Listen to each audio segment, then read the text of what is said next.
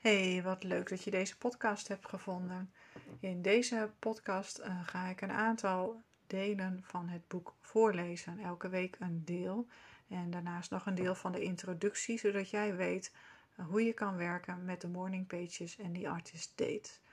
Uh, de reden dat ik deze podcast online heb gezet is dat ik niet een Nederlandstalige versie kon vinden. En dat heb ik zelf wel gemist. Ik uh, heb mezelf wel gered met de Engelse versie. Uh, en dat was ook heel fijn, want dan kon ik elke week um, weer even luisteren en daarna ook de week uh, opdrachten gaan doen. En ik dacht, het is er niet, dus waarom lees ik deze zelf niet voor? Dus bij deze, ik hoop dat ik ook jou daarmee verder heb geholpen en ik ben heel benieuwd naar jullie reactie.